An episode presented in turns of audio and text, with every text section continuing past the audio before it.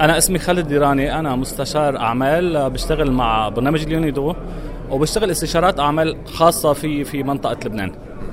آه، أنا أنا بنتمي لمجموعه اسمها جمعية إفادة وهي تعنى بالشباب ودعم الشباب رواد الأعمال ودعمهم للوصول إلى التمويل المناسب لحتى يكملوا وينظموا أعمالهم. طيب ماذا يعني انعقاد هذا المؤتمر؟ المؤتمر المصرفي العربي اللي هو عنوانه الشراكة ما بين القطاعين الخاص والعام وأهداف التنمية المستدامة وبالذات فيما يتعلق بتمكين الشباب والمرأة. دائما كانت البنوك في لبنان آه، هي اللاعب الدور الأساسي في تمكين الشباب. يعني اليوم الشباب بحاجة لتمويل لأجل البدء بمشاريعهم لأجل البدء آه، بتنفيذ أحلامهم. فاليوم القطاع العام بمطارح ما عم يركز على الشباب بشكل خاص.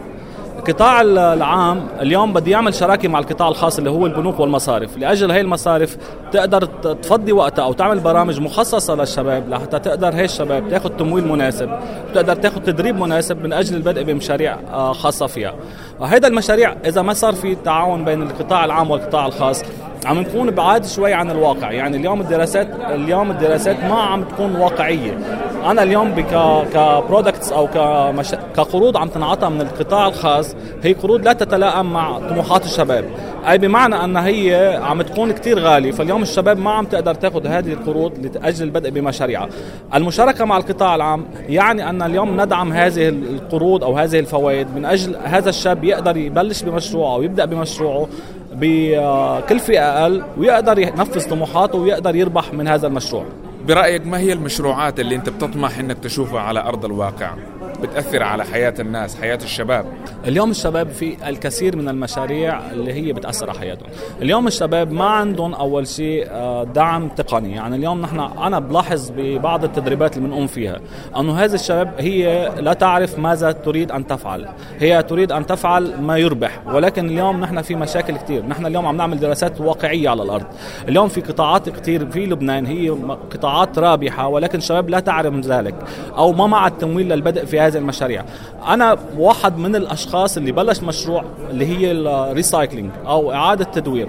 واليوم أنا كثير بنصح الشباب يروحوا على ال recycling أو إعادة التدوير أو المشاريع التي تعنى بالبيئة.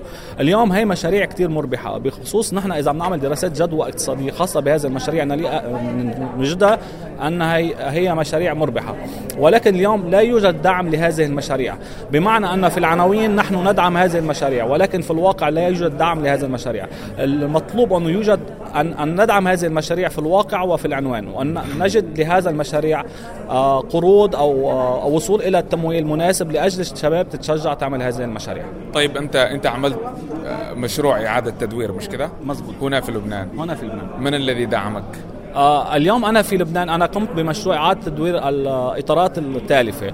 اليوم في جمعية اسمها جف وأنا عندي جمعية فانا هذه الجمعية تريد أن تبدأ بهذا المشروع مش على أساس الربحيه، نحن نريد أن نبدأ بهذا المشروع على أساس أننا ندعم البيئة أو نحافظ على البيئة، فاليوم قدمت مشروع هو مشروع عادي وليس وليس معقد، آه، اي اي أي شخص يستطيع أن يقوم بهذه المشاريع، فقدمنا هذا المشروع وقالوا لنا نحن نمول لكم هذه المكنات، فنحن تمولنا كل ال instruments أو ال equipment من هذا المشروع الذي يدعى جاف، وأنا اليوم بكل محاضرات بعملها أو كل تدريبات بعملها بقول لهم يا لكل الشباب في الكثير من المنظمات التي تدعم هذه المشاريع بدون أي مقابل.